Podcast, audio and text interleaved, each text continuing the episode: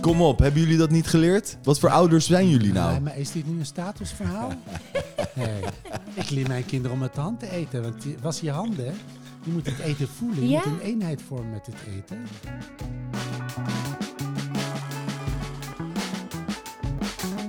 Welkom bij de Nieuwe Dokter podcast.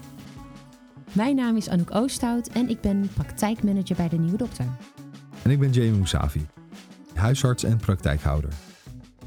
Zorg, daar hebben wij het over. Niet te verwarren met de zorg. We nodigen inspirerende specialisten uit om thema's te bespreken die ons interesseren. We hebben het over zorg voor jezelf en zorg voor een ander. Zorg voor onze planeet. Over zelfzorg, kopzorg, you name it.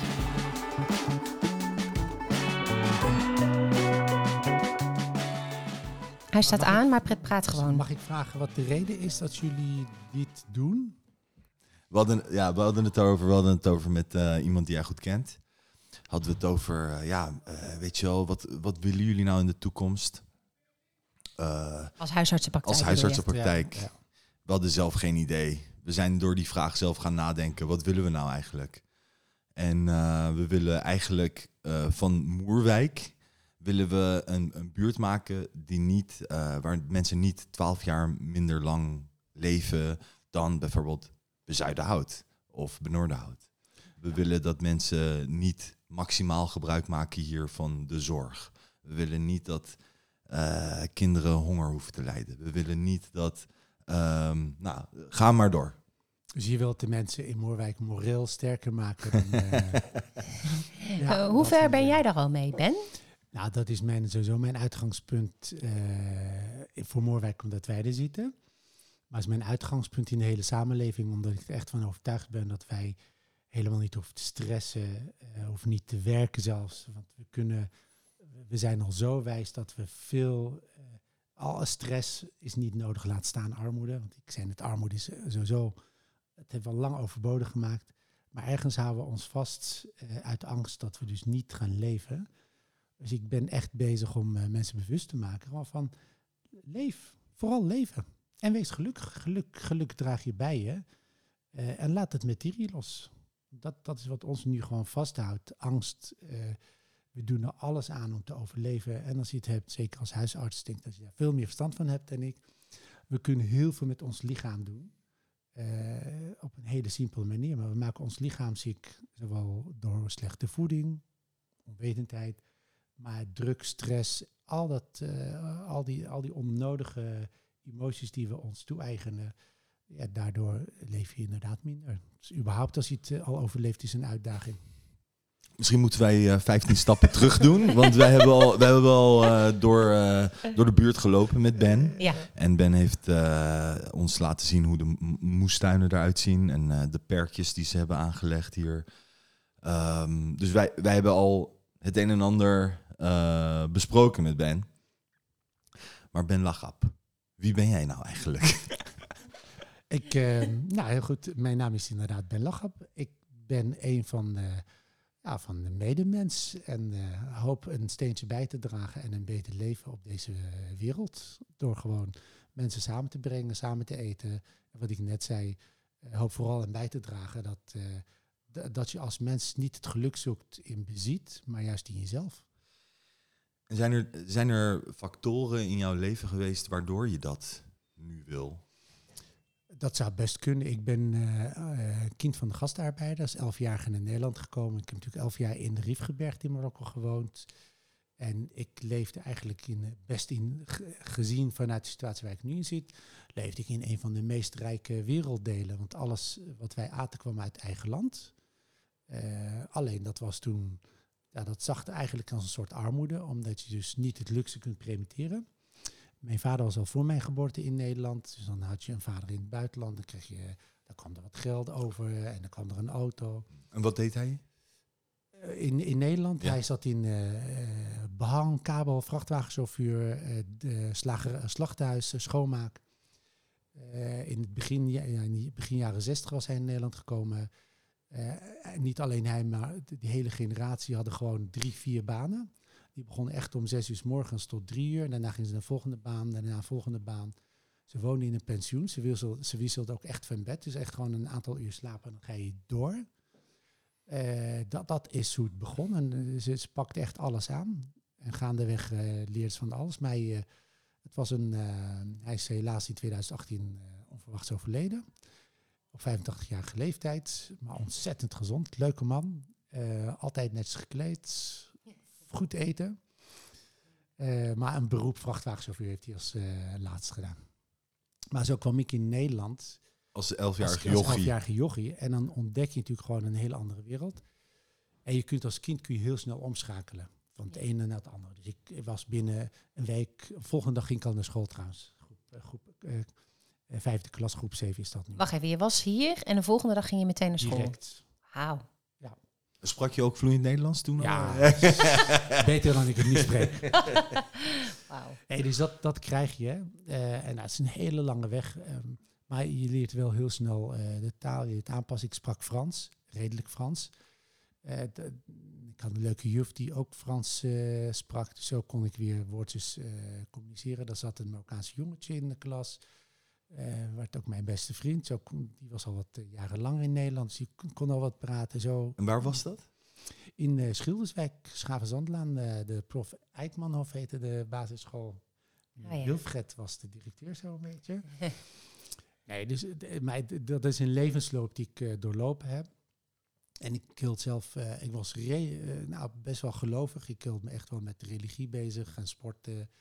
Eh, dus het was een, nou, voor mij was het een hele andere weg. Maar ik kwam in die puberteit kwam ik ook de identiteitscrisis van waar hoor ik nou echt bij. Dus ik ben dat hele stuk ben ik gaan onderzoeken. Gaan, nou, gaan, wat- ja, ik, je belandt, je ontaart letterlijk van alles. Dus ik Ja, geen, echt ontworteld. En, eh, echt ontworteld. Ik, ik hoorde nergens bij. Ik, eh, want als Marokkaan, ik kom natuurlijk uit de Riefgebergte, Marokko kende ik ook niet. Ik zat op school, wist alles over, ik kende alle zeeën van de wereld, eh, van de werelden, maar ik had nog nooit een zee gezien. Nog nooit een vliegtuig. Dus je, in theorie had je best wel wat. Als kind dacht ik dat de wereld echt eh, plat was. En als je aan de andere kant, ondanks dat ik op school zat, als je heel ver loopt, dan val je eraf. Dat was een mijn, flat earther was jij. Nou ja, dat was Ja, mijn, dat was jouw- fantasie. ja, ja. Ik ben opgegroeid zonder televisie. Ja, ja. Dus we hadden geen tv, radio wel, maar vooral met verhalen en eigen fantasie. Maar dan beland je natuurlijk in een hele andere wereld in de samenleving. En dat identiteit was voor mij best wel een crisis. Dus het was echt wel een strijd van waar ook bij. Ja, dat heeft echt wel toe geleid dat ik ook een keuze maakte van eh, waar wil ik echt bij horen. Uiteindelijk, eh, ik ben heel blij dat ik daar goed doorheen ben gekomen. Want het is ook wel een, een, een, eh, een tijd waar heel veel mensen in, eh, in verslaving of Ja. in andere problemen geraken. Waardoor ik toch wel bezig was met bewust en met toch wel werken en leuk vriendinnen had. Dan kom je ook weer wat, kom je, kom je in een andere situatie terecht. Dus ik ben heel blij dat ik daar schoon doorheen ben gekomen en dat ik, eh, dat ik het ook na kan vertellen. Hmm. Eh, dat is niet voor iedereen. Ik heb een hoop jeugdvrienden zeg maar, in die tijd meegemaakt die, eh, die er niet meer zijn. ja. Eh, of die in een hele andere wereld terecht zijn gekomen. eh, en dat kan echt van alles zijn. Dus dat heeft mij al bijgedragen. Ik had toen al met vrienden van als je later groot bent, wat zou je echt willen? Mhm. Ja, de, al, de meeste van mijn jeugdvrienden wilden rijk worden. Ah ja. En ik had dat absoluut niet. Voor mij was het echt van, ja, ik, ik wil, ik wil eh, familie om me heen. Ik wil, eh, ik wil blij, ik wil mensen om, om me heen. Het gek is dat het nu ook zo is. Al die jeugdvrienden die dat wilden, die zijn ook echt rijk geworden. Gewoon op een legale, positieve manier. Gewoon echt door het ondernemen. En over rijken eventjes, dan hebben we het over geld. Geld, Ja, echt geld. Ja. Nou, dit eentje heeft twaalf restaurants hier in de omgeving. wauw. Ja. Eh, zo zijn er echt diverse, maar ze doen het eh, ondernemen hartstikke goed, doen het hartstikke goed. En af en toe spreken we elkaar en dan denk je, wat ben ik blij dat ik niet die keuze heb gemaakt. Ah ja, ja. Ik ben wel een ondernemer, alleen ik gebruik het op een andere manier. Maar dat, eh, er is dus in mijn levensloop wel heel veel gebeurd, waardoor ik uiteindelijk, om even op jouw vraag terug te komen, eh, het besluit heb genomen. Het heeft geen zin om de strijd aan te gaan met, eh met Thierry, want dat ga je nooit winnen Met wie? Materie, met, met dieren. ja. Dus dat geld, dus echt letterlijk macht en geld, Ja. dat ga je nooit winnen. Eh, dus ik zet eh, mijn energie en tijd liever in om, een, eh, om iets te doen waar ik gelukkig van word. Ja, en dat doe ik. Dus ik heb een leuke hobby. Ja, wauw. ja, nou ja. Heb jij nog een vraag, Jamie? Eh, ja. Nee, het, het, het Nee. leidt wel, het leidt wel tot eh, heel veel gesprek van waarom is dat zo. Het, het kan, weet je, het, het kan echt heel simpel. Ja. Maar goed, eh, kijk, ja, we zitten nu eh, in, in Moerwijk bij de par- participatiekeuken. Ehm, w- hoe ben je hier op gekomen? Wie eh, heeft die zaad eh, letterlijk geplant? Ja, nou, dit, dit is begonnen zo'n 17 jaar geleden. Eh, ik zat in de wat commerciëlere kant en ik had toen al me voorgenomen, ik wil, ik wil toch echt wel op een andere manier in het leven, omdat ik, ik, ik zou niet weten wat ik met geld moet doen als ik daarvoor zou kiezen. Dus ik ben toen het maatschappelijke kant op gegaan en eten, daar heb ik veel ervaring in. Dat komt dat ik veel in horeca heb gewerkt. Eh, eten als middel gebruiken om mensen samen te brengen. Iedereen wil samenkomen. Eh, ten slotte ben ik, eh, is mijn vader als gastarbeider in Nederland gekomen om zekerheid te hebben eh, voor het eten. Nou, zo zijn wij als kinderen er ook naartoe gehaald. Dat, dat is het stuk. Maar drie jaar geleden was echt met corona dat, van, eh, dat alles dicht viel. En toen had ik van ja, maar wacht eens even. De, de, we krijgen een probleem met mensen die eh, kwetsbaar zijn en niemand hebben, met name ouderen. Hoe gaan we die dan voorzien? En toen ben ik met het project Participatiekeuken begonnen. En met, eh, dus ik heb geroepen, we gaan 100.000 maaltijden koken om de meest kwetsbare ouderen in Den Haag te kunnen voorzien. Gratis? Gratis, volledig gratis. Dus maaltijden, eh, zorgen dat er maaltijden zijn en dat er een telefoon is, zodat mensen ook contact kunnen hebben met de buitenwereld. En dat is ook eh, gerealiseerd. Toen, toen dat gebeurde, werd ik door de gemeente gebeld van, je had een leuk idee. Dus de volgende dag zat ik met het crisisteam van de gemeente. Dat was volgens mij 13 maart, 14 maart uit mijn hoofd, eh, 2020. Eh, en samen met directie van welzijn Den Haag en Scheveningen. Eh, en eh, toen zeiden we, nou, dit gaan we doen. Dus ik had allerlei hulp. De gemeente zegt, nou, als je financiering nodig hebt, hebben we. Eh, welzijn wist de ouderen te bereiken. En ik heb toen een samenwerking gezocht met diverse partijen. eh, maar vanuit Shell, eh, die, die, eh, die hadden wat producten over. Die zeiden van, wil je daar eh, wat mee doen? Ik zei, ja, tuurlijk kun je dat ook voor mij koken. Die hebben zo'n duizend maaltijden gekookt. Zo. Dat is echt in de eerste week van eh, corona. Eh, nou, toen kwam ik daar en Marian van Loon, eh, de directeur van eh, president van Shell, zei: Ja, maar dit is zo leuk. Mogen wij voor jou die 100.000 maal, eh, die 100.000 maaltijden koken? Want we hebben koks in huis, we hebben een keuken. Nou, zo is het eh, begonnen. En aan de hand daarvan eh, ontstond heel veel liefde en samenwerking. Dus ik had echt mensen uit heel het land die, die meehielpen, die meekwamen de participatiekeuken zoals je hem nu ziet, de, de website, de, de, de, de foto's, de, de logo's. Ik heb geen idee wie dat bedacht heeft. Er zijn zoveel betrokkenen. Echt Ja. 11.000 studenten, mensen uit het bedrijfsleven.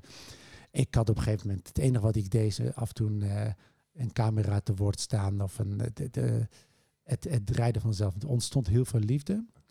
En zo is eigenlijk participatiekeuken, als ik 10% weet vast te houden van die liefde wat toen ontstaan is, dan is dat mooi. En eh, vandaar de participatiekeuken. Want ehm, eh, de koning heeft jou ook eh, gesproken daarover. Ja. Je, bent ook, eh, je hebt een onderscheiding gekregen. Ja, Kan je daar iets over vertellen? ja de, de onderscheiding is ook aan de hand van echt het, het, het samenbrengen van mensen. Want ik zet me echt in om ontmoetingen te creëren, ontmoetingen die smaken naar meer. Dus echt mensen gewoon samenbrengen, zonder te vragen ben je rijk, ben je arm, zwart, groen, rood. Gewoon mensen samenbrengen. En dat werkt. Eh, nou, zo weet ik heel veel mensen samen te brengen in de stad. Daar is de onderscheiding voor dat, dat, eh, dat ik dat doe, maar ook vanuit een goede intentie. Ja. En de reden dat de koning gebeld heeft, dat is dus in die coronatijd, is dat ik door de adviseur van de koning werd gebeld van vind je het goed als de koning eh, contact met je opneemt over wat je doet. Nou, liever niet. Nee, dat is natuurlijk een hele eer hè, dat Ja, hij dat tuurlijk. zo krijgt. Tuurlijk. Uiteindelijk eh, was het hier op deze locatie waar ik zat. Eh, we hadden een, een tijdstip afgesproken en het was ook echt direct eh, gebeld. Nou, we hebben ruim 13 minuten gesproken. Eh, puur over dus het, eh, dat, dat kwetsbaarheid van die ouderen. En nou, dat natuurlijk gewoon heel veel mensen afhankelijk zijn van anderen. Eh, nou, hij heeft echt alle tijd en ruimte aangegeven. eh, nou, heeft geluisterd, eh, gesproken, openhartig. dat, dat is het stuk eh, wat er ook aan bij, bij heeft gedragen. Nou, al dat soort gebeurtenissen hebben bijgedragen.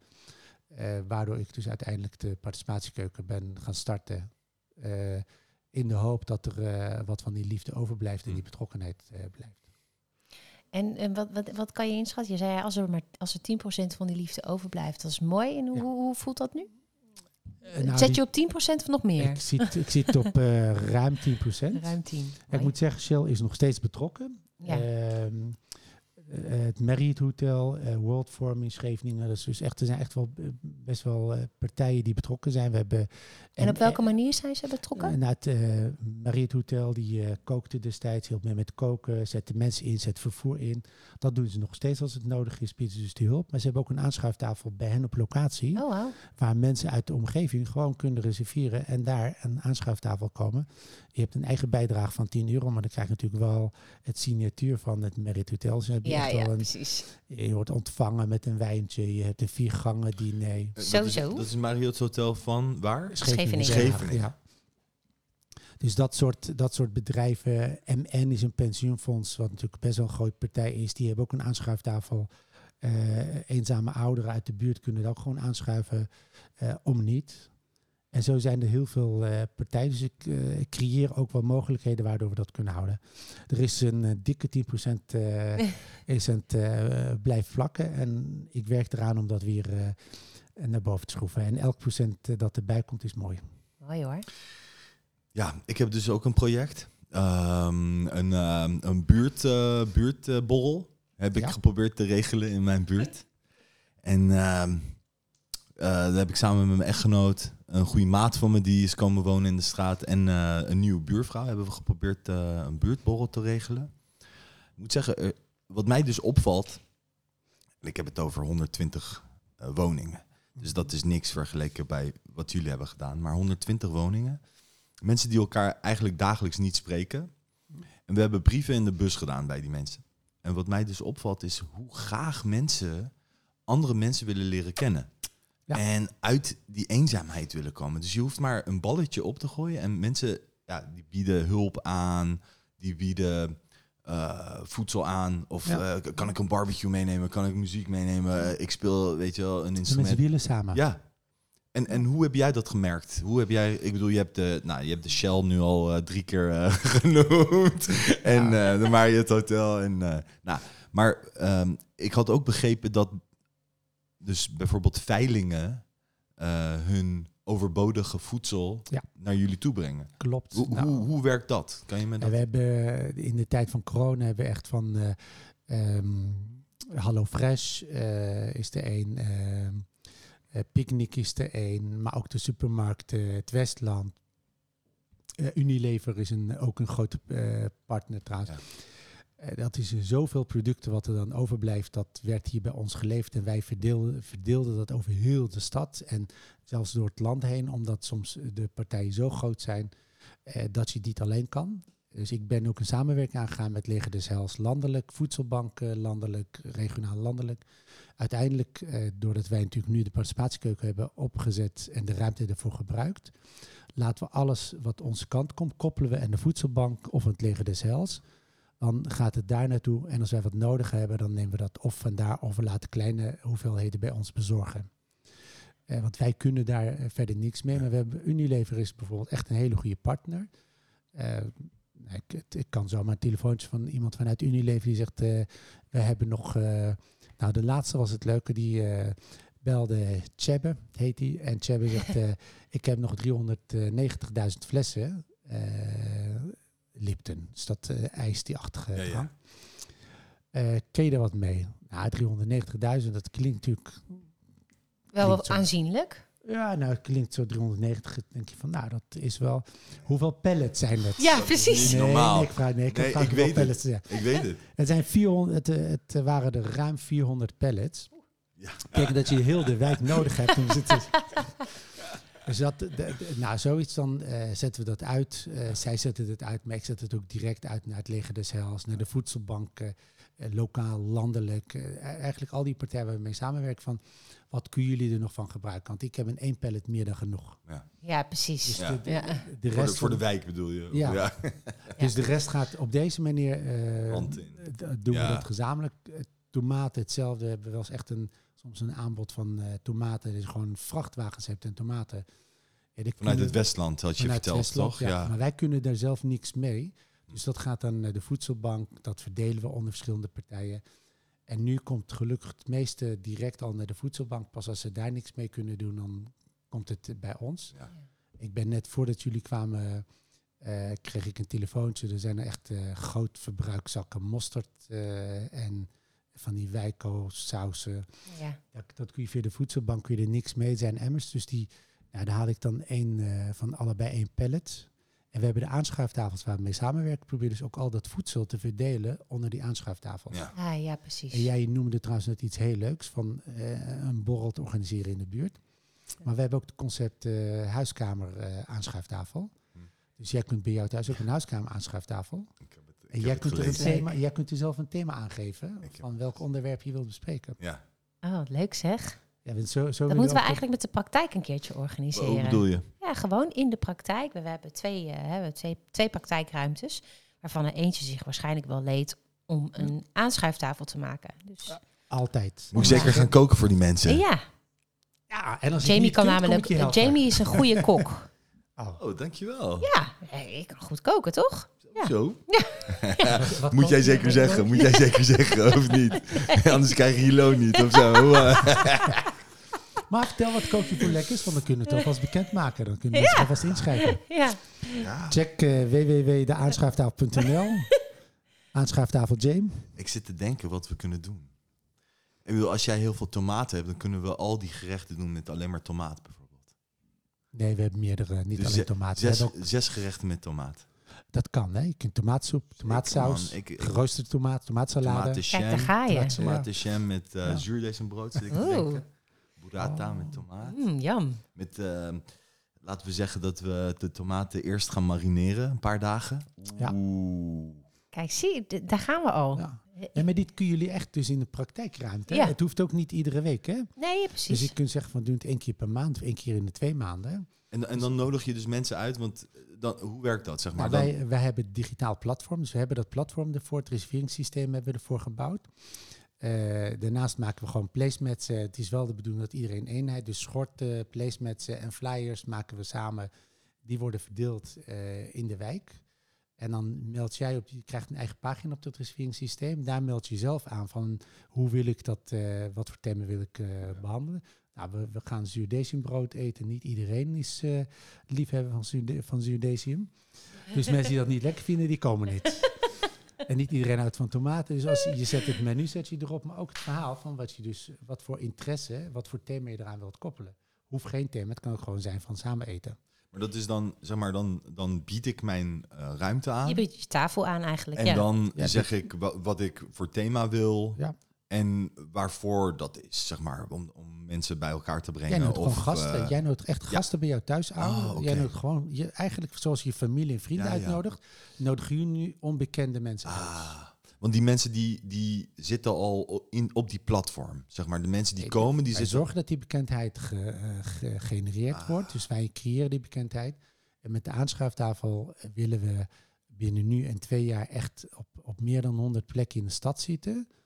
Eh, nou, ik streef ernaar om 10.000 tot 15.000 ontmoetingen per week Ja. eh, te helpen ontstaan. En dat maakt niet uit, inkomensaf, weet je wel, Nee. onafhankelijk. Dus Nee. het kan laag, hoog. Dat maakt nu de ene. Wij hebben vanavond een aanschuiftafel op onze eigen locatie.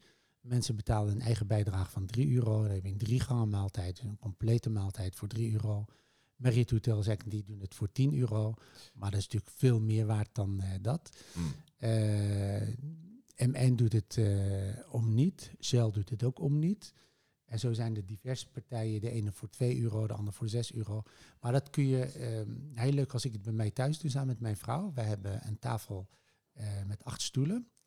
Dus als wij met z'n tweeën zijn en we, bieden zes plekken extra aan, dan vind ik het leuk om eh Marokkaanse eten, Marokkaanse cultuur aan te bieden. Dus voor mensen die echt geïnteresseerd zijn om kennis te maken met de Marokkaanse cultuur, Marokkaans eten, die zijn welkom. Uh, tagine. Eh, dat kan, dat zie je, hebt, veel meer, je hebt zoveel Oh. gerechten. Maar dat, dat biedt je dus aan de niet-Marokkaanse mensen om dat te leren kennen. Ah, En ja. dan kan ik, eh, kan ik samen met mij zeggen, nou, we gaan 10 euro, eh, we gaan voor acht personen, dus 80 euro. We gaan voor 80 euro inkoop doen en iedereen betaalt 10 euro. Dus wij delen de inkoopkosten. Eh, Maar het kan ook zijn dat het met 3 euro is. Of wij zeggen, nou, wij bieden dat zelf aan, omdat we graag dat bekend. Dit is het concept van aanschuiftafel. Dat is dus de huiskamer aanschuiftafel, horeca aanschuiftafel, bedrijfsaanschuiftafel en Ja. de reguliere aanschuiftafel. Dus je hebt heel veel manieren. Ja, wat wij eh, graag willen in de toekomst is eh, eh, ook voorlichtingsavonden houden. over onderwerpen die te maken hebben met nou ja, gezondheid, ik noem maar wat, anticonceptie, eh, kinderziekte. Die kun je er allemaal aan koppelen. nou ja, dus wij kunnen themaavonden organiseren met een aanschrijftafel. Nou, En met een bied je dus eten aan Ja. en informatie. juist. Bij deze. Ja, tada! Ja, gaan we doen, goed? Ja, maar zeker, we, gaan, ja. eh, we, we komen we op terug. Alright. Ja. En in het groot, als je dit dus, als je dit dus doen en je wilt het een keer in het groot doen, dan bieden wij onze ruimte aan. Dan kunnen we het hier samen gaan doen. Ja. Dan kunnen we een grotere groep uitnodigen. Eh, maar we werken met veel partijen door de stad heen. Dus dat kun je op iedere plek van de stad, kun je dat ook in een grotere maat. En wil je er een keer een hele symposium van maken, dan eh, betrekken we World Forum bij. Dan kun je gewoon 4000 man uitnodigen. Kijk, nou, huppatee. Je gewoon groot dromen. Ja, gewoon groot dromen. Nou ja, je wilt, je wilt, eh, als je hiermee begint, doe je dat natuurlijk voor kleinschalig. Maar het is, eh, nou, als daar veel animo voor is, dan, dan kun je dat niet iedere dag doen. Dan doe je het één keer per maand voor 100 man. Ja. Ja. Dus eh, dat afhankelijk van vraag en aanbod van wat er dan eh, is, als er heel veel animo is. Er is in ieder geval altijd ruimte om het groter te doen als het nodig is. Ja, precies. Want, want je had het over... Sorry, jij wel wat vragen. Ja, ik ben eh, wel benieuwd, hè, want ik was net naar je aan het luisteren. Maar het, het lijkt er dus eigenlijk op dat, dat je niet alleen een, eh, hè, je bent niet alleen voor hier in de buurt, maar je bent dus ook eigenlijk voor Den Haag. Maar volgens mij ben je ook een soort van landelijk punt waar eh, eh, eh, bedrijven kunnen jou echt vinden. Klopt. En, nee, en jij gaat dan kijken, oh, waar ga ik dat, eh, waar kan, waar kan je dat kwijt? nou, eh, ik wil, ik wil eh, niet als organisatie groot worden. Mhm. Maar ik wil wel dat de impact heel groot is. Ja. En dat streven is nou in het in de teken van groot dromen. Ik hoop dat dit een wereld, niet alleen in Den Haag, niet alleen in Moorwijk, niet alleen in Den Haag, maar in heel Nederland, heel Europa, heel de wereld. En het kan. We hebben al aardig wat bezoek gehad, zowel eh, vanuit India, Amerika. eh 7 september komen er eh, 18, nee 20 burgemeesters en zeven organisaties uit Duitsland op werkbezoek. Dus het, het leeft en wij delen graag wat wij hier kunnen doen, kan overal. ja. En als je die eenheid vormt van zo'n aanschuiftafelconcept, waarbij je dezelfde placemats gebruikt, dezelfde schorten, dan maak je het heel laagdrempelig voor iedereen.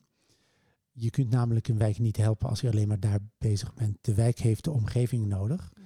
Dus je hebt heel de stad nodig. Je hebt alle stadsdelen nodig. Eh, de stad kun je niet helpen als je die niet verbindt met het land. Het land kun je niet helpen als je die niet verbindt met de wereld. Dat is even een beetje de, de, de gedachtegang eh, Ja. die, ik daar, eh, die ik daarin heb. Ja, we hebben tijdens zo'n eh, podcast hebben we altijd twee eh, flauwe vragen.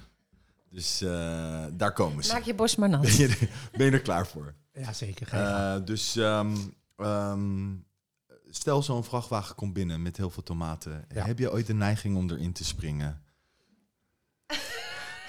Nee, nee, die behoefte heb ik niet. Maar weet je, als dat wel wordt gezegd, van zullen we er gewoon lekker in gaan eh, springen, springen we erin en dan breng ik het naar de compost, dan kun je het wel lekker. Dus. Ik, eh, wat dat betreft, ik ben, eh, no- ik ben nooit volwassen geworden. Nee. Mijn vrouw, wij hebben, mijn vrouw en ik hebben drie kinderen. Ja, Alleen zij heeft met mij erbij vier. en de drie zijn volwassen, ik word nooit volwassen. fantastisch. Dus Oké. Kijk nu ook naar je pet die achterstevoor op je hoofd staat. Denk, oh ja, ja, ik zie het. Ja, ja, het is die manier met de pet. ja, precies. En, wat is je En tweede? tweede vraag. Iets serieuzer, maar goed, eh, hetzelfde soort eh, thema is... we, wij waren hier, Anouk en ik waren hier een, eh, nou, ongeveer een jaar geleden. eh, en er was een, eh, de eigenaar van boerderij Het Geertje. Dus eh, misschien ken je die. Zoetermeer, ja. Ja, ja, Zoetermeer. inderdaad. Biologisch melkheden halen, Exact. yoghurt, dat Ja. soort. Ja. Die meneer die, die vertelde dat zijn boerderij was een van de armste boerderijen in heel eh Groene Hart. En hij, ehm, ja, hij wilde dat eh, omkeren. In de jaren volgens mij 60, 70 wilde hij dat eh, omkeren. En hij ging biologische kazen en eh, biologische melk, geitenmelk, dat soort dingen ging hij verkopen.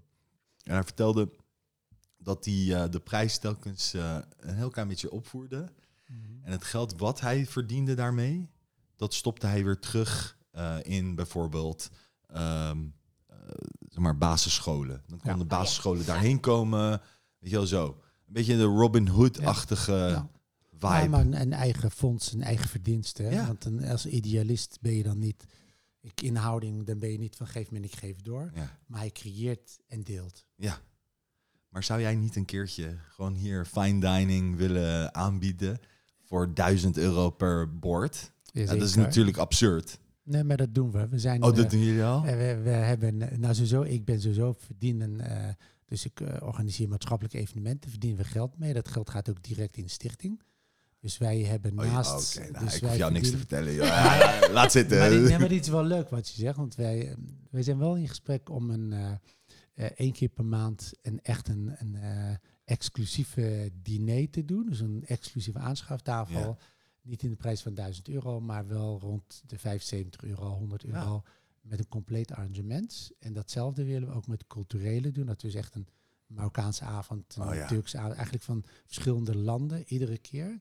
En dan betaal je zo rond de, tussen de 75 en 100 euro, maar daar zit alles in. Ja, ja. Maar dan heb je dus echt een, eh, als het een Marokkaanse avond is, dan is iedereen ook in de Marokkaanse cultuur. Dus dan Oh, heb je mooi. klededracht, eten, Oh, ja. decoratie. Oh, wauw, ja. Maar hebben Ja. jullie dan niet dat als jij dan eh, Marokkaanse gerechten gaat koken, dat je dan alleen maar zeikende Marokkaanse mensen hebt die zeggen van, nou, zo hoort hij niet. Zo hoort niet als je... Ja, maar dat- Zo, dat, eh, nee, want het zijn niet de Marokkaanse mensen die erop afkomen. Het zijn vooral de Ah. mensen die het niet kunnen. kijk, En als de Marokkaanse mensen zijn die dat hebben, zeg, ja weet je, tagine kun je op duizend verschillende manieren. ja.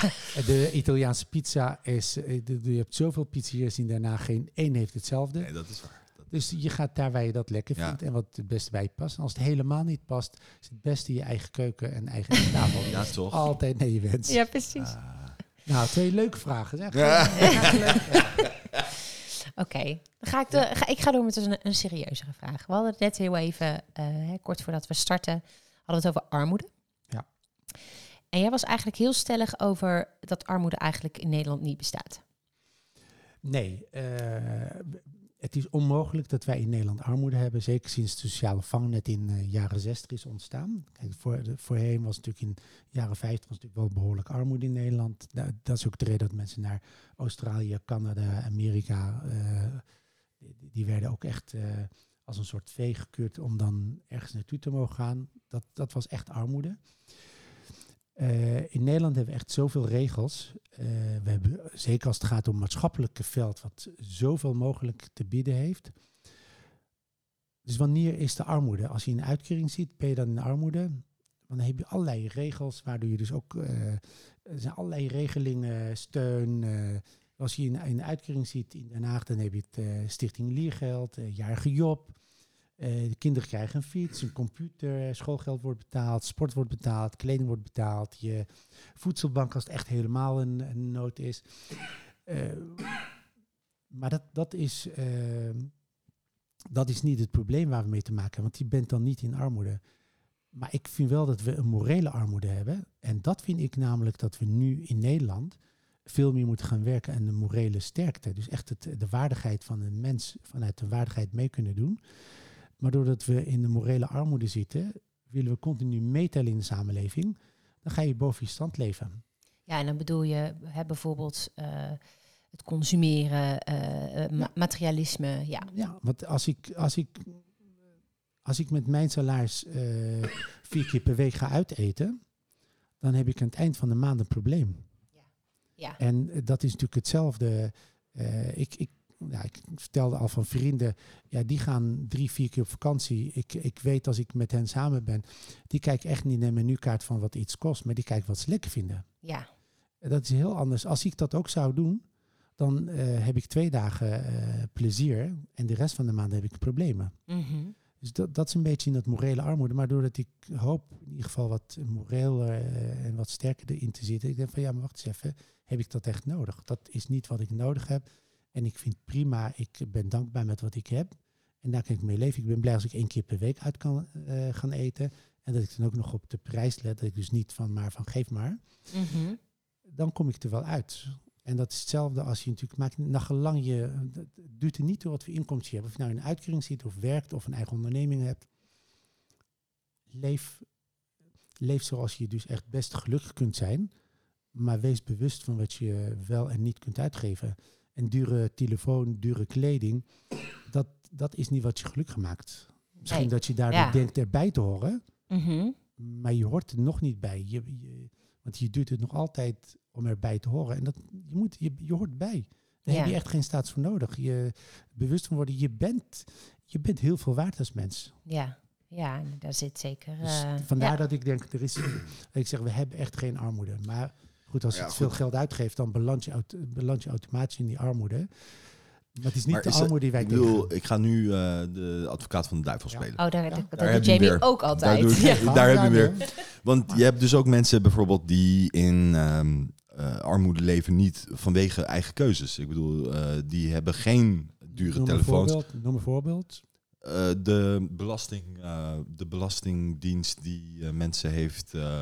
Ja, ik wil- je de de toeslagenaffaire toeslagen. of zo? Ja, ja, affaire is een lief woord. Nou, ik vind. de- door zo'n door zo'n belastingprobleem eh, geraakt iemand inderdaad in de armoede.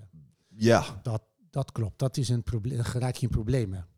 Niet in armoede, maar in problemen. Dan zorgen we dus wel weer als eh, maatschappij dat je echt in geholpen wordt. Ja, maar precies. is dat, het, e- is dat het enige? Want dat is nu namelijk. eh, want je hebt. eh, dat zijn situaties die ertoe kunnen leiden. ja. Maar omdat Nou. we zoveel situaties hebben die ertoe kunnen leiden. Mhm. Maar ook dat zou trouwens in het morele stuk zijn. Dat zal dan niet bij de persoon die in armoede zit, maar bij de belastingambtenaar. Ja. Dat hij beter zijn werk zou doen en beter zou opletten. Tu- Nee, tuurlijk. Dus de, de morele, de, mo- de- ja, dus de schuld ligt ergens anders. Dus Ja. niet bij die, bij die mensen die een dure telefoon willen. Weet je, Nee. die, die hebben niet een morele keuze, die hebben niet een, een keus gemaakt zelf om, eh, om in die situatie te komen, is Ja, wat ik bedoel. nee, maar dat, dat klopt. Dat is een situatie. Kijk, als, als wij daar, als we dit soort hebben, dan kunnen we het behoorlijk verhelpen. Ja. Maar we hebben een veel grotere, dit is misschien maar een kleine percentage van de groep. Dus zeg maar de groep die eh, buiten, eh, De boot eigen- valt. bu- buiten eigen schuld om Oké. daarin geraakt. Dat is wat ik eerder ook zei. Weet je, als je als stel samen bezig bent en eh, je hebt het vertrouwen in elkaar. De man werkt of de vrouw werkt, een van de twee werkt en die onderhoudt het leven.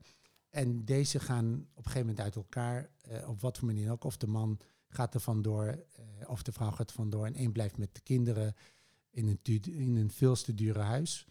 Eh, dan heb je een probleem. Ja, Dan kom je er ook in. ja. En d- dit, is, dit zijn situaties Ja. die het zal altijd blijven. En, maar daar kunnen we als samenleving wel voor helpen. Maar wat we nu hebben, is dat we in zo'n grote getalen. En ik, nou goed, er is, ik heb er geen onderzoek naar gedaan, maar ik durf te stellen dat, we, dat dit misschien 10% is, misschien 20%.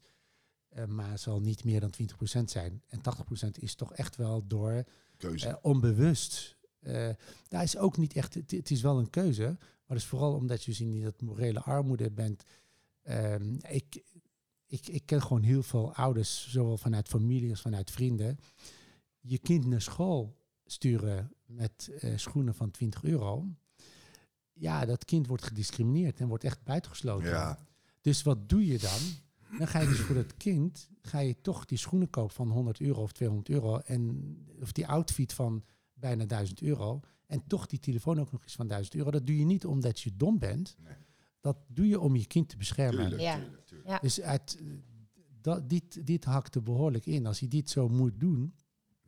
Dus we moeten als samenleving moeten we aan de andere kant ervoor zorgen. Want nou, nou, wat wij nu doen is die zorgen dat die ouders eh, te eten hebben en ze helpen. Ja, Maar dat, dat helpt niet. Nee, dat precies. Is echt, dat, Dat- is letterlijk water naar de zee brengen. ja, Dus wat wij als samenleving, en zeker als overheid, als maatschappelijke organisatie, is dat we onze krachten bundelen.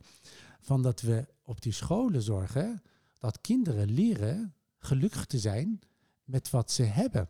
En als iemand met een, een kind met een Rolex van, eh, van zijn papa of van zijn mama op school komt, dan denk ik van, goh, wat leuk, apart. Maar Ik hoef dat niet. Wel gaaf voor zo'n Rolex. Natuurlijk, nee, maar gaaf, maar het moet niet zo zijn van dat wil ik ook. Anders hoef er niet bij. Eh, en dat je zo- niet eh, de ander uitsluit, want dit en het heeft. Als we dat kunnen creëren, Ja. dat is ook de reden dat wij met de kinderkeuken hier bezig zijn, we kinderen uit verschillende delen van de stad samen, is om te leren van elkaar. Eh, lol hebben samen is leuk. Wat jij in jouw buurt wil doen met jouw vrouw samen, mensen, mensen samenbrengen. En is de, borrelmoment is dat mensen willen samen zijn. Dan is het helemaal niet interessant dat jouw buren een grotere auto hebben dan jij of andersom. Dan is die auto helemaal niet eh, interessant. Dan is het gas bij jou ook niet groener dan bij hen. Eh, dus we moeten als samenleving zorgen, en Anke, op jouw vraag. Ik geloof dat we in Nederland geen armoede hebben. Ja. Dat het Ja. af en toe ontstaat, maar dat kunnen we heel snel verhelpen. ja. Ik kan me voorstellen dat het eh, niet voor iedereen even makkelijk is om, om zijn hoofd eromheen te krijgen dat, dat het dus eigenlijk geen armoede is, maar meer morele armoede. Zeker als je zelf in een situatie zit waarbij je eh, eh, naar een voedselbank moet of waarbij je hè, het niet breed kan laten hangen. Ja. Je hebt net al kort verteld, hè, kindertafel, jong beginnen. Ehm, wat doen jullie nog meer? Wat hier Ja, die lijkt- ont- ontmoeting creëren. Dus we zijn echt eh, continu bezig met ontmoeting creëren door heel de stad. eh, met eh, partijen in gesprek, zoals ik nu met jullie in gesprek ben. Probeer ik natuurlijk met eh, eh, veel werkbezoek. We hebben echt heel veel werkbezoek vanuit eh, verschillende ministeries, bedrijven, eh, lokale eh, overheid. Die tuinen. Eh, in de tuin inderdaad, tuinen creëren, de mensen met de buurtbewoners. Die, dit gesprek voer ik echt met iedereen. Ik eh, stel mezelf heel kwetsbaar, ook om gewoon van, dit, dit is het, meer heb je niet nodig. En het kan best zijn dat je, dat je mij raakt en dat je mij daardoor ook wel kwetst. Eh, maar heb je alleen jezelf mee. Want eh, ik leef liever kort, maar wel eh, een eigen leven, dan dat ik heel lang leef eh, voor een leven die niet van mij is. Ja, ja. Dus het, dus het creëren wat wij, waar wij echt mee bezig zijn, is creëren van ontmoetingen waar je dit ook gewoon bespreekbaar maakt. Ja. En daarom hoop ik dat heel veel aanschuiftafels in de samenleving komen, eh, zodat mensen samen kunnen zitten en dit soort gesprekken, filosofische gesprekken, gewoon leuke gesprekken, eh, informatie, ervaring met elkaar delen. Eh, Zo'n huiskamer aanschuiftafel. Als jij dat bij jou thuis doet, je natuurlijk heel leuk. Dan komen mensen bij jou thuis die anders nooit bij je thuis zouden komen. Heb je toch een hele ander contact. En dan kom je tot de ontdekking dat die buren toch aardig zijn. En Ja. andersom. Ja. Nou, dat, dan durf je ook jezelf kwetsbaar op te stellen. Nou, doordat je dat kunt doen, hoef je ook niet meer te bewijzen eh, door een eh, grote auto of door dure kleding te bewijzen dat je er bent. Maar je bent er. Je bent er. Vanaf het moment dat je geboren bent, ben je er. Ja. ja en het, echt, het maakt echt niet uit of dat je met schoenen loopt van eh 100 euro, van 1000 euro, van 10 euro. Als je je voeten maar beschermen, want daar zijn dus, kleding is om ons te beschermen, eh, schoeisels om ons te beschermen. Als dat die bescherming biedt, dan is dat het. Ja. Als we die kracht kunnen creëren, dan is het goed. En het is natuurlijk mooi als dan op een gegeven moment kleding en schoeisel eh, gemaakt worden van duurzaam producten. En dat we niet te veel gebruiken. Want nu verspillen we ook het milieu. We onderdrukken de mensen. Ik heb in textiel ook nog gezeten. Ik weet hoe Mhm. dat eraan toe gaat. Mm. En je, je, we produceren zoveel dat Ja. we niet eens nodig hebben. Maar dat geldt ook voor voedsel. Ja. Ja, We hebben Maar- zo gigantisch overschot aan voedsel. Ik, ik durf het bijna niet te zeggen, maar eigenlijk had Jan-Peter Balkenende had hij toch gelijk met zijn normen en waarden. Hij had toch gelijk. Als die de gedachtegang erachter is, eh, absoluut. Maar de, eh, niemand heeft hem daar ongelijk in gegeven. Volgens Nee, mij nee. zijn we er ook... Daar- eh, daardoor is die eh, groot geworden. Volgens mij valt CDA nu weer terug op die morele eh, normen en waarden. Ja. Want eh, ze zien hoe belangrijk dat eigenlijk is. Weet je, wel, als je, als je de norm hebt, ja, die ehm, eh, zeg maar, gemeenschap of community, of hoe je Ja. het ook wil noemen, dat is belangrijker dan dat iedereen dure kleren aan heeft, of met mooie auto's loopt, of met eh, weet ik veel. goede, goede kleding. Als je, go- kijk, kleding, nu wordt het duur. Maar als je kleding, goede kleding, ja, mag het duur. Ja. Maar dan koop je één keer een paar schoeisel. Ja, daar duur je heel lang mee, want dat beschermt je voeten. Nu krijg je steeds modellen en marketing waar je om de maand nieuwe kleding Ja, ja, ja, hebt. oké. Ja. Ja. Maar de waarde, de waarde is beperkt, toch? Als je, als je, als je dan eh, telkens elke maand nieuwe kleding moet eh, kopen. Zeg maar, mijn, mijn vader zei altijd, we zijn niet rijk genoeg om goedkope dingen te kopen. Dus als Oh je ja, één is- keer... Hij Als je één, het om. Ja. Ja, Ja. als je één ja, keer... ja, dat is trouwens ook heel hip op dit moment. Hè. Dat je natuurlijk ook bij de eh, Lidl boodschappen doen. En voorheen wilde je niet gezien worden bij de Lidl, bij de Aldi. Dat snap ik, maar als je in één keer goede schoenen koopt, Ja. die, weet ik veel, ja, 20 zo. jaar meegaan, dan is dat waardevoller dan... Absoluut. Dat heeft, ja, dus voor dat- jezelf en voor het milieu. Ja, dus Zeker. Exact. Ja, een hele verstandige man eigenlijk, die pa van mij. Ja, die Ja. vader van jou ook. Ja. niet. Nee. Maar heb je het nu pas door? Had je toen ook door of niet? Weet je, je, je wil gewoon niet luisteren naar je ouders. Dat is ook denk ik iets natuurlijks. Ik denk dat je eh, je eigen identiteit wil creëren. Je, je wil ook ageren zodat je los kan koppelen van je ouders. Tenminste, niet in elke cultuur. Want, eh, maar het, eh, je ziet het wel bij tieners, toch pubers. Die willen toch een beetje ageren. Maar dat is ook, lo- dat is ook logisch. Hè? Je, Ja. eh, ik, ik heb drie kinderen, drie totaal verschillende kinderen. En ik heb echt van het begin af aan, eh, nou, ik ben op jonge leeftijd eh, begonnen. Ik heb van het begin af aan me wel heel bewust begonnen. Ik zeg van, nou, ik wil kinderen, ik wil gewoon, ik wil een mens om me heen en ik wil geen kopie van mezelf hebben. En dat is best wel een uitdaging, want dan, Ja, krijg, je zeker. een, dan krijg je een kind tegenover je die, eh, ja, die eh, ook gewoon zijn eigen woorden heeft en eigen keuze heeft. Ja, dat heb je als vader. Het is niet makkelijk om dat altijd te accepteren. Ja, nee, zeker niet. Ja. Ja. Dus het, het is ook logisch dat je dan eh daartegen gaat als eh, puber. Als ze weer met haar handen gaat eten. Dat vind ik zo irritant. Oh Eet dan ja? met je bestek, Waarom? joh. Maar Kom nee, je op nou, hier- mensen. Waarom, het, waarom zou ze met bestek eten? Ja, goede vraag. Want als we dan naar een restaurant gaan, dan, eh, dan, Eet je met je handen? dan, Ja. dan, komt de, dan komt de eigenaar, van, dan komt de kok, die komt zeggen Waar van, eet ja, jij, hey, luister, Je Ja. kind is een soort on, on, eh, Ongeleid projectiel, wil je dat pro- zeggen? Kom op, hebben jullie dat niet geleerd? Wat voor ouders zijn jullie Nee, nou? maar is dit nu een statusverhaal? nee. Ik leer mijn kinderen om met de hand te eten. Want was je handen, je moet het eten voelen. Je Ja. moet een eenheid vormen met het eten. Je eet daardoor veel minder. Je proeft het, je ziet het. En met vork en mes is netjes. is toch wel een beetje een klas. Ja, je wilt erbij horen. Ja, oké. Ik ga ze langsturen bij jou, goed? Ik ga ze bij jou langsturen. Ja, het, is, het is leuk. Eh, natuurlijk met mes en vork is een, vanuit netheid. Overigens is het ook een bewustwording. hè. Je eet, je koudt, het heeft natuurlijk met kouwen dat je veel meer bezig bent met kouwen dan wanneer je alsmaar naar binnen werkt. Maar bewust met de hand eten is ook heel goed. Ja. Is niet erg, maar wel bewust en met schone handen. En, Dat niet, alles zeker. kun je, en niet alles kun je met eh, handen eten. Ik weet dat... eh, Soep. Nou, die drink je. Couscous, nee, drink je. Ja. Met kommetje. Ja. Maar de, in de Arabische wereld eh, heb je eigenlijk helemaal geen bestek. Nee. Persische helemaal. Je hebt, je hebt geen bestek. Het enige wat je hebt voor de soep heb je dan kommetje. Dus iets drink je of eet je. Mhm. En alles wat je eet, eet je met de hand. Ook de rijst, ook de couscous die zo heet is. Want ik weet van, eh, ik heb ze nog meegemaakt. Ik weet niet of ze nu nog bestaan. Maar die pakken echt zo'n couscous in de hand en die blijven dat draaien, want het is natuurlijk heel heet. Draai je dat, koelen dat af en draai je dat meteen in een soort bolletje en dan wordt het weggewerkt. Ja. Ja, bij mijn Indische familie werd ook gewoon wel met, eh, niet door iedereen, maar er werd zeker wel met handen gegeten. Ja, Ja, je hebt de, de Ethiopische keuken ja nog steeds. ook Oeh. handen. Ja. Even over een keuken gesproken. ja. Man, man, man. ja. Dat, en ik weet niet of je ooit Keniaanse eten hebt gegeten. Ja, zeker. We hadden in de, Geitvlees zat er eh, heel veel in. we hadden in de, in de eh, hoe heet het, de vluchtelingenkamp waar ik zat. Daar woonde een ehm, een Keniaanse gezin. En het was een zendingshuis. Dus eigenlijk was het van missionarissen. En eh, nou, dat heb ik al verteld in een andere aflevering. Ja. Maar die mensen, we, we konden daar dus koken. Zelf konden we daar koken. Dus die mensen die kookten dan Keniaans. Ik was drie toen ik daar zat. Van mijn derde tot, eh, laten we zeggen, vijfde zoiets zaten we daar. Zo lang. En toen, ehm, ik kan het nog steeds proeven. Ik kan het nog steeds in mijn geheugen, kan ik die Keniaanse keuken proeven. Nou, Nou, dan Zo- wordt het tijd dat je dat weer een keer gaat... eh, Ongelooflijk, ja, absoluut.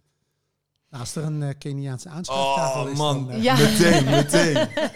ga het in de gaten houden. Oh, ja. Zo Ah, lekker. zie, zie, zie je wat leuk is in zo'n concept van aanschuiftafel? Is die, dit soort dingen zijn zo leuk om te delen met elkaar. absoluut, En we hebben echt, we hebben zoveel tijd. Want we, zitten in een samenleving waar we steeds zeggen, nou, we hebben geen tijd, het is druk.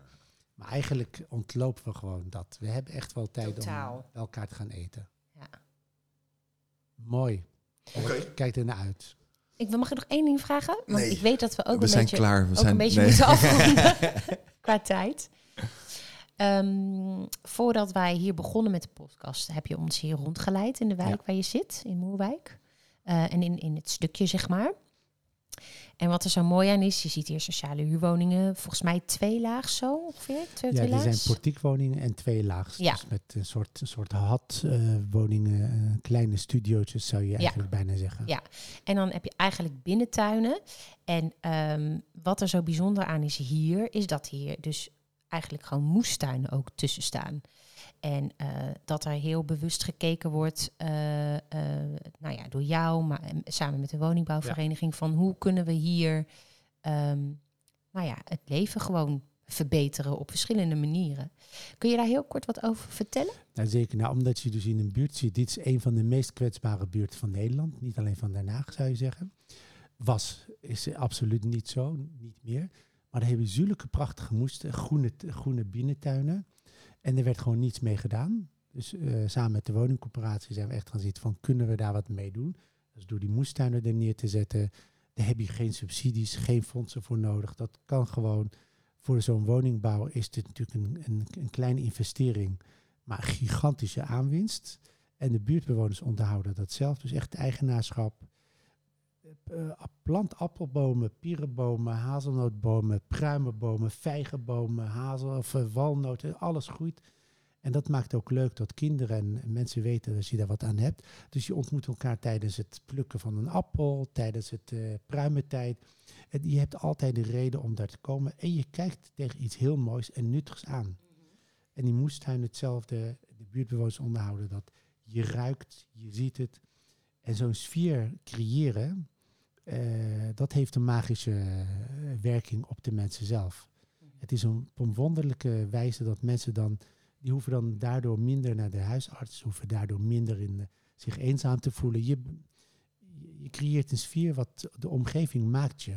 Ja, ja want het En- is nog een verschil. Hè? Als je inderdaad, eh, wat je ook zei buiten, ja, een, struik, eh, zo, wat daar staat, zo gesnoeid. Ja. Eh, of eh, een perkje waar verschillende soorten bloemen in staan. Ja, dat maakt nogal uit voor wat je ziet. Ja, dat, maar dat, dat heeft ook echt invloed op je hele ontwikkeling. En we hebben de ruimte voor, we hebben de middelen voor. En we moeten ook voorkomen dat dat soort dingen ontwikkeld worden vanuit subsidie, want dan blijft het, is een korte duur. Ja, Zorg dat het ook een eigenaarschap bij de bewoners komt. En dan, ja, dat is heel mooi, maar dat creëert wel, eh, ik geloof er echt heel sterk in dat dat gewoon een positieve werking heeft op de omgeving. hoe gemotiveerd zijn de bewoners hier? gigantisch. Als ik zie de betrokkenheid eh, zijn, eh, is echt groot. De, de, ik, zie dat, hoe ze elkaar helpen, naar elkaar omkijken. Hier voorheen was, de, was hier bijna dagelijks politie. Die zie je gewoon niet meer. Echt een van de leukste mensen die er zijn. Sociaal, begaan en, en nieuwsgierig om van hoe kan ik het nog beter doen. Daarnaast is de wijk ook heel leuk omdat het heel veel mogelijkheid biedt tot eh, ontwikkeling. Eh, als ik Moerwijk zou vergelijken met Vogelwijk, dan is Vogelwijk dood. Er kan niets ontwikkelen. Dood Het is vogeltje. dood. Ja, Er kan niks meer. nee. Eh, hier in Moerwijk kan zoveel. Je kunt die moestuinen creëren, je kunt die fruitbomen planten, je kunt met de bewoners heel veel ondernemen. In de Vogelwijk is iedereen geleerd, iedereen is klaar, iedereen is met een eigen leven bezig. Ja.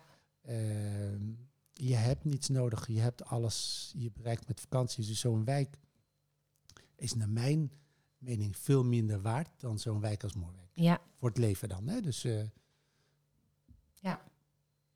Hm. Daarmee jouw vraag beantwoord? nee, ja, zeker, zeker. Ja, de En antwoorden ik, eh, zijn helaas altijd lang. Ja, maar nee, daarom dat heb is ik helemaal oké. want ik kan altijd praten. Ja. Ja, mensen komen in, in contact met natuur, dan zijn ze wat chiller. Absoluut. Dat is gewoon eh, een korte, Punt. korte antwoord. je, ziet, hier aan de overkant een eh overvoer is een park. Er loopt een re- reiswerk. Eh, als ik nu met jullie daar doorheen ga wandelen, gaan we beukennoten eten. We komen walnoten tegen, we komen appels, pieren, mooie bloemen, bramen. Het is een hele mooie natuurstukje. Als je daar doorheen loopt, dan kan alles hier gestolen worden. Dat je niet op vakantie kunt gaan. Wat ga je doen met vakantie? Je creëert die rust, die heb je hier voor de deur. Ja. Ja. En wat, wat heb je? En nou, Zo heb je van alles. We Ja. kunnen er heel lang over doorpraten. Superleuk. Ja, Maar helaas moeten we er een eh, eind, Een eind aan eh, breien, ja. Ik had nog graag met je doorgefilosofeerd, maar dat doen we dan wel een andere keer buiten de Ah, er, zijn, podcast. er zijn heel veel anderen die nog kunnen filosoferen. Dus ik eh, wil graag hoe je dat. Ja, onze, onze huisfilosoof Anouk. Maar ehm, ja, de, de huiskok huis, ehm, kok, die gaat dan... eh, Een eh, aanschrijftafel. Ja, toch? eh, We gaan dat gewoon ja, bij We onze gaan dat gewoon praktijk. Superleuk. gewoon afgesproken, dan ja, eh, tuurlijk. Ja. gaan we zo gelijk even de gegevens, een foto zetten. We gaan het Easy. gelijk op de website zetten. En eh, Heel leuk. jullie geven een datum door, dan wordt het gelanceerd. Jullie krijgen meteen schorten mee. Ja, Leesmetsen Kijk mee. aan. Dus eh, we gaan. eh, en wil je alleen de mensen daar uit de buurt? Of wil je eh, zeggen van we willen wat breder? eh, jullie zitten hier in Laak, hè? We, zitten we zitten in de Binkhorst. Binkhorst. En dat, Ja. zit, dat, is, dat is eigenlijk onderdeel van Laak. Ja. Maar er zijn nu ook nieuwe bewoners in eh, de Binkhorst. Ja, Ja, ja, en Dus, er eh, een we nieuwe kunnen- open. kijken of die mensen behoefte hebben aan... eh, Maar ook mensen die er werken, hè? Want Binkhorst heeft natuurlijk ook heel veel eh, startende ondernemers. Ja. Zeker. ondernemers, maatschappelijke Zeker. groepen die er zitten. Ja. Dus dat kun, je al, dat, ja, dat kun je allemaal daar bekendmaken. Zeker. En ga- wil je dan een lunch doen? Nee. Ik denk diner, denk ik, hè? Nee. Bij, deze. Nou, eh, jij kan koken, ik kan koken, Ja, vast dat wel. komt eh, goed, mijn dat man komt kan ook goed. koken. Extra Eh, hulp, vrijwilligers, we kunnen dat ook. eh, we kunnen Het natuurlijk komt, een, eh, het komt Dat helemaal komt goed. wel goed. Het komt helemaal goed. Ik kom de eerste keer mee eh, tafel dekken en eh, mee oh, dat is leuk. Jij mag komen en dan gaan we je serveren. ja, toch? Is toch ook lekker, is toch ook lekker als, als iemand voor jou kookt een keertje? aan tafel met, eh, met de gasten die jullie dan hebben. Kijk, oké. Nou, dankjewel Ja, voor je goed. tijd. Top. Graag gedaan. Jullie ook bedankt.